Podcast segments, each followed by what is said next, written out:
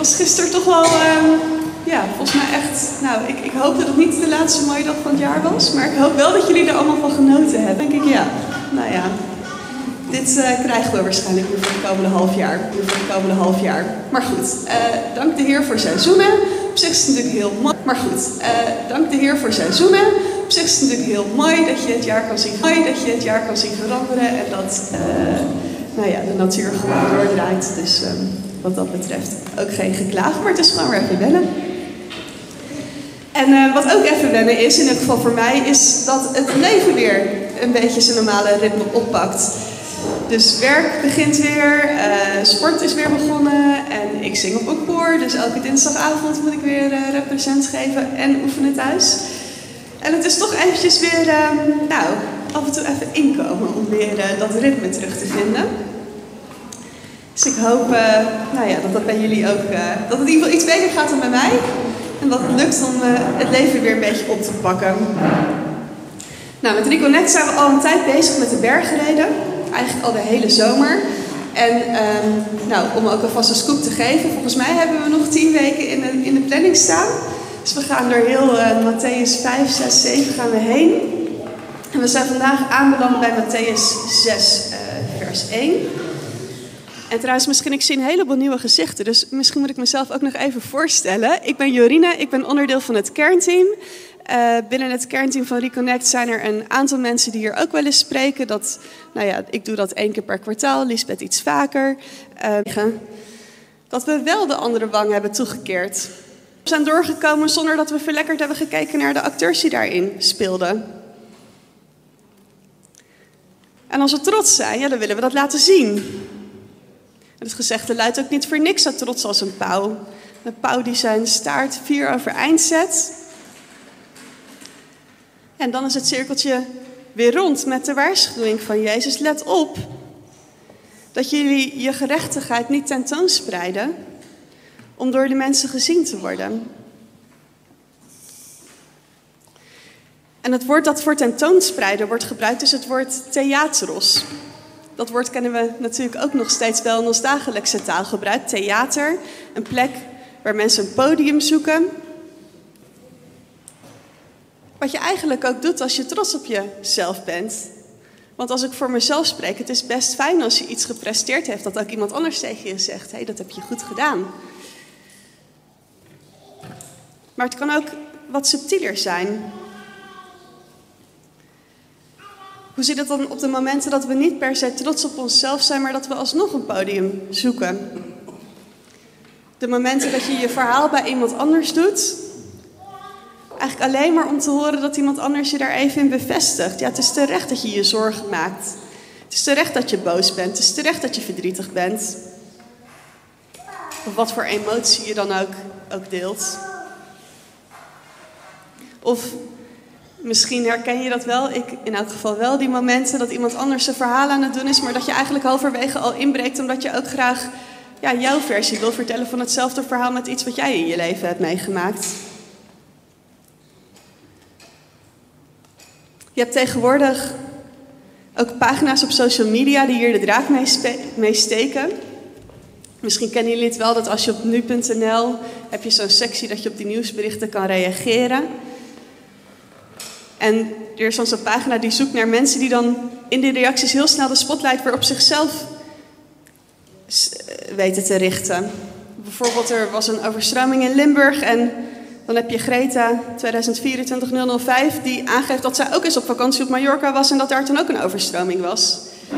En Doomsday 88 die wil even delen dat hij ook bang is voor overstromingen, maar dat zijn garage wel vol ligt met zandzakken.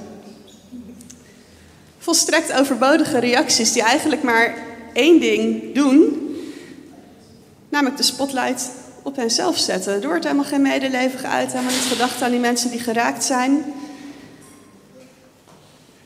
En die pagina heet How can I make this about me?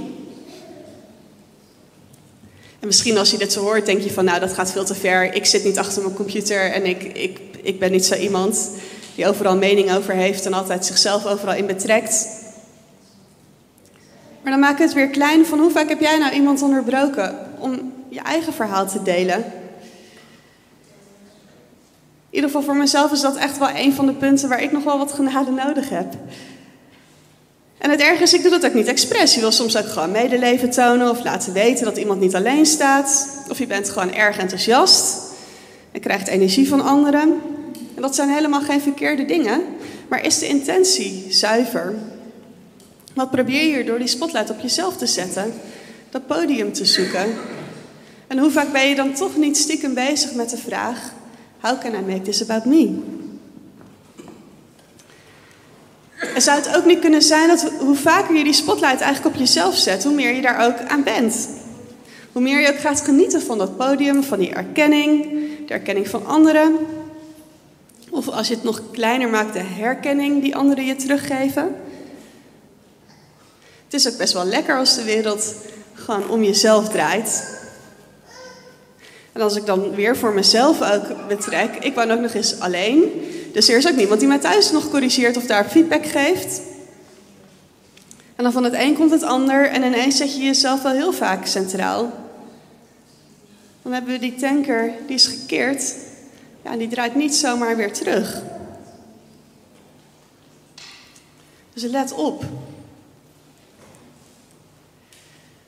Maar hoe kan het dan wel?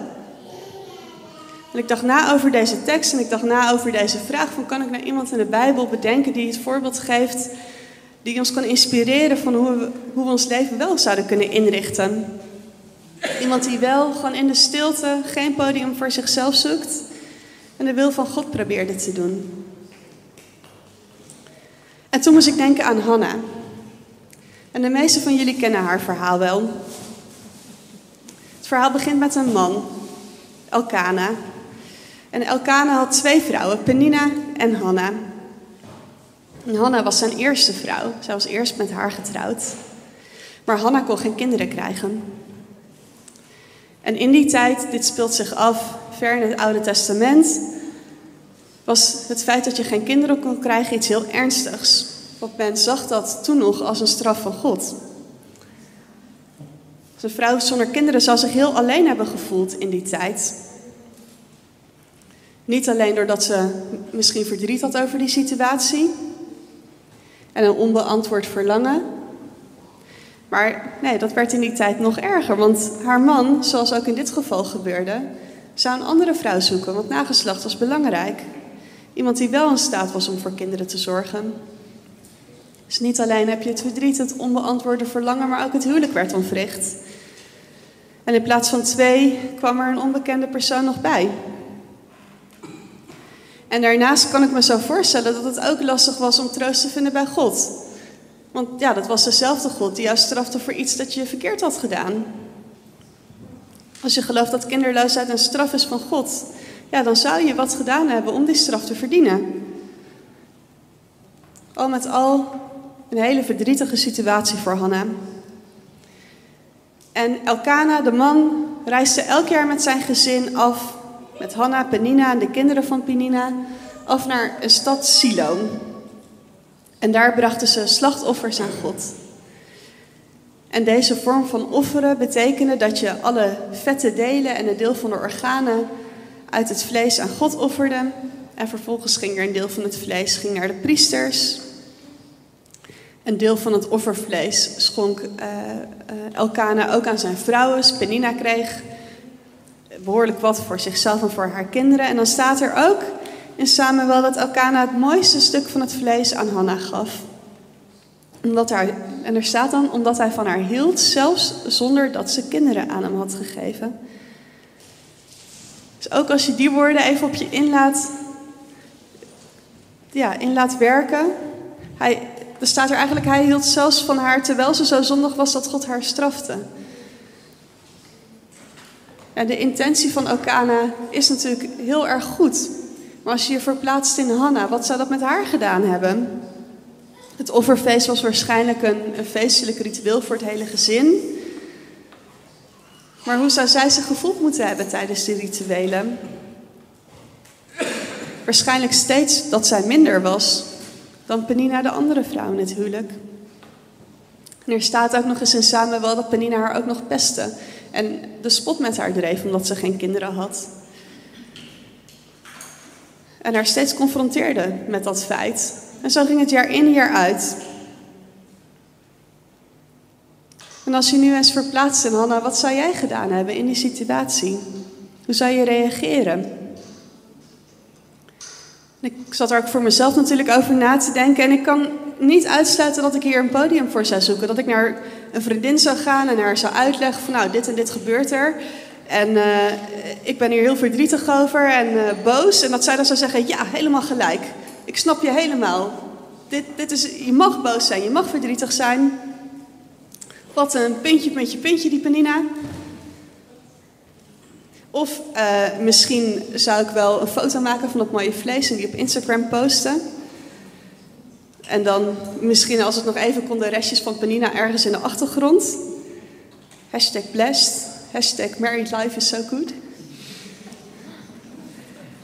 Ja, ik, ik weet het niet, maar ik sluit niet uit.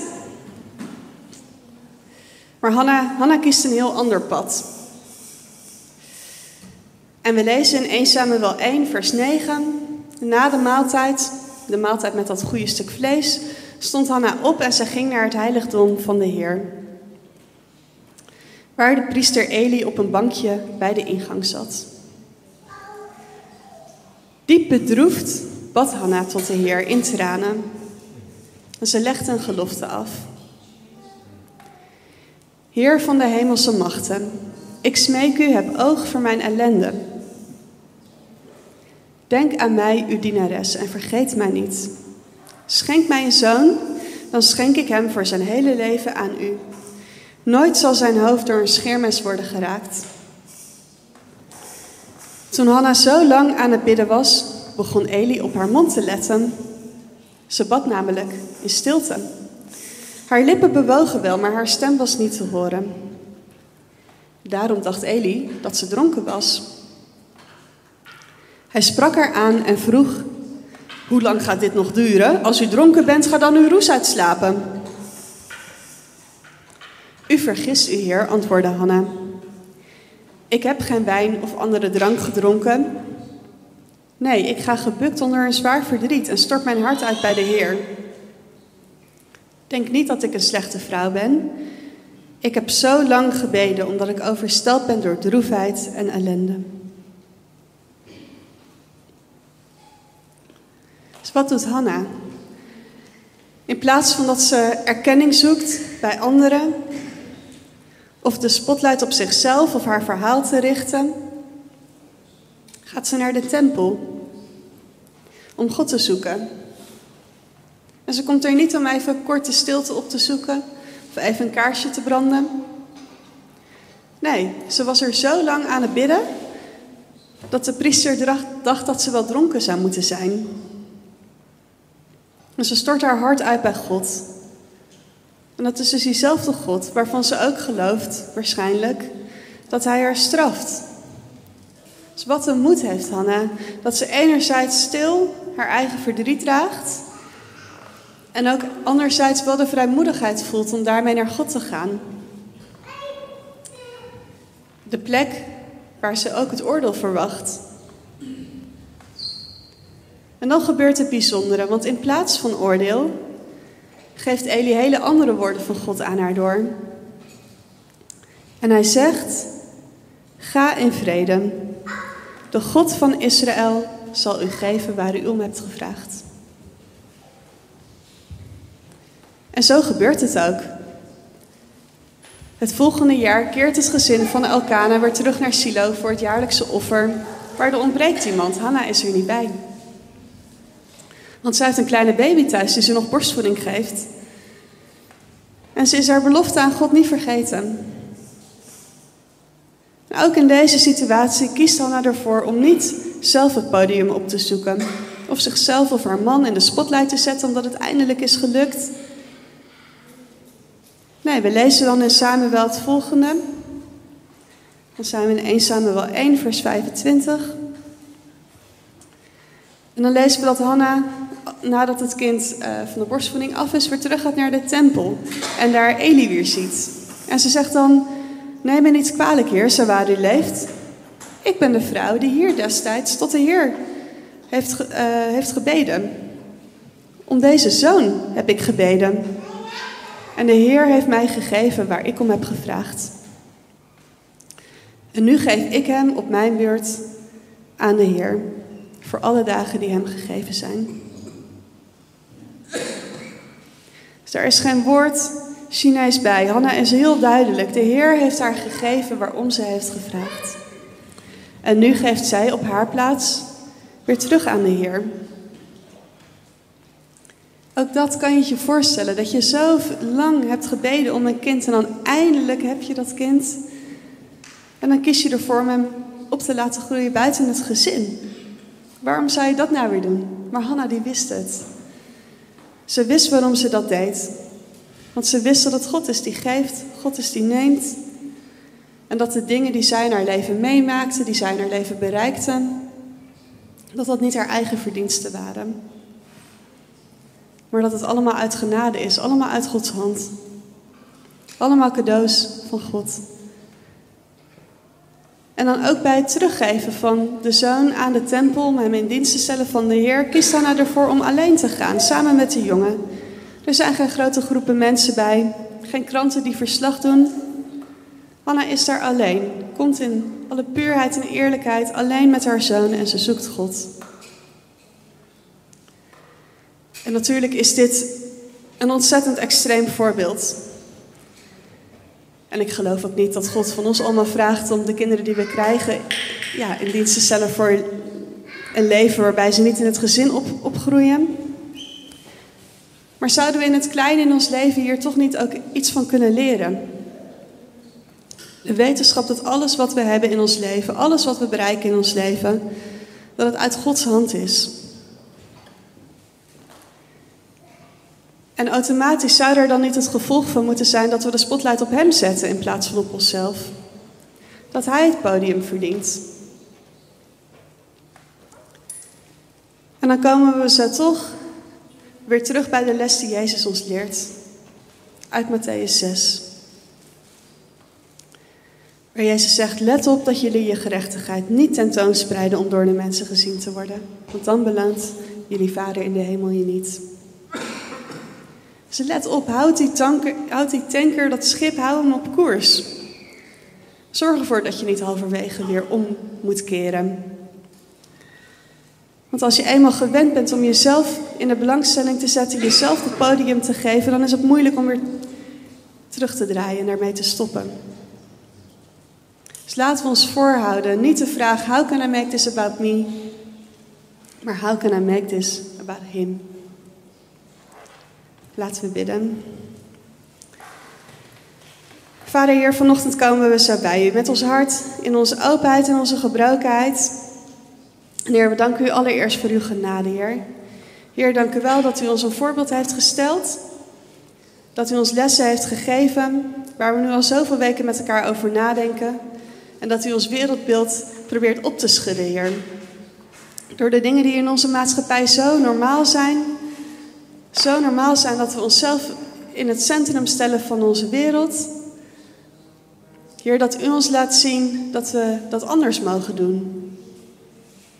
En vader, we willen u ook beleiden, Heer. Zo vaak gaat dat nog mis bij ons.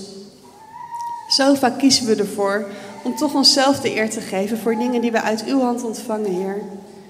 Of om onszelf op de schouder te kloppen, of om erkenning of herkenning te zoeken bij anderen maar Heer, we willen beleiden vanochtend dat we geloven dat u God bent. Dat u de wereld in uw hand heeft, dat u soeverein bent, zoals we net ook zongen. Vader, dat u de wereld bestuurt en dat u beschikt, Heer, over ons leven, over de levens van de mensen om ons heen. Dat u geeft en dat u neemt. En Heer, wilt u ons ook in herinnering brengen, ook als we deze week ingaan, als er situaties zijn waarin we trots zijn of waarin we op een andere manier een podium proberen te zoeken, Heer, wilt u ons dan aanspreken en wilt u ons uh, ja, zachtjes weer naar uzelf toetrekken. En Heer, dan danken we u ook tegelijkertijd dat u ons zoveel genade schenkt. Dat het ook niet erg is als er dingen misgaan, als we maar eerlijk naar u zijn, Heer. Heer, wilt u zo met ons gaan. In Jezus' naam alleen. Amen. Ik hoop dat je iets hebt gehad aan de podcast. En als dat zo is, dan kan je ons helpen door je te abonneren, het te liken of een review achter te laten als je via iTunes luistert. Want zo kunnen nog meer mensen onze podcast vinden. En als je wilt, dan kan je ons ook ondersteunen door te gaan naar reconnect.cc slash geven. En dan kan je jouw gift geven, zodat we nog meer mensen kunnen bereiken. Wat je ook doet, hartelijk dank en nogmaals dank dat je wilde luisteren naar de Reconnect Community Church podcast.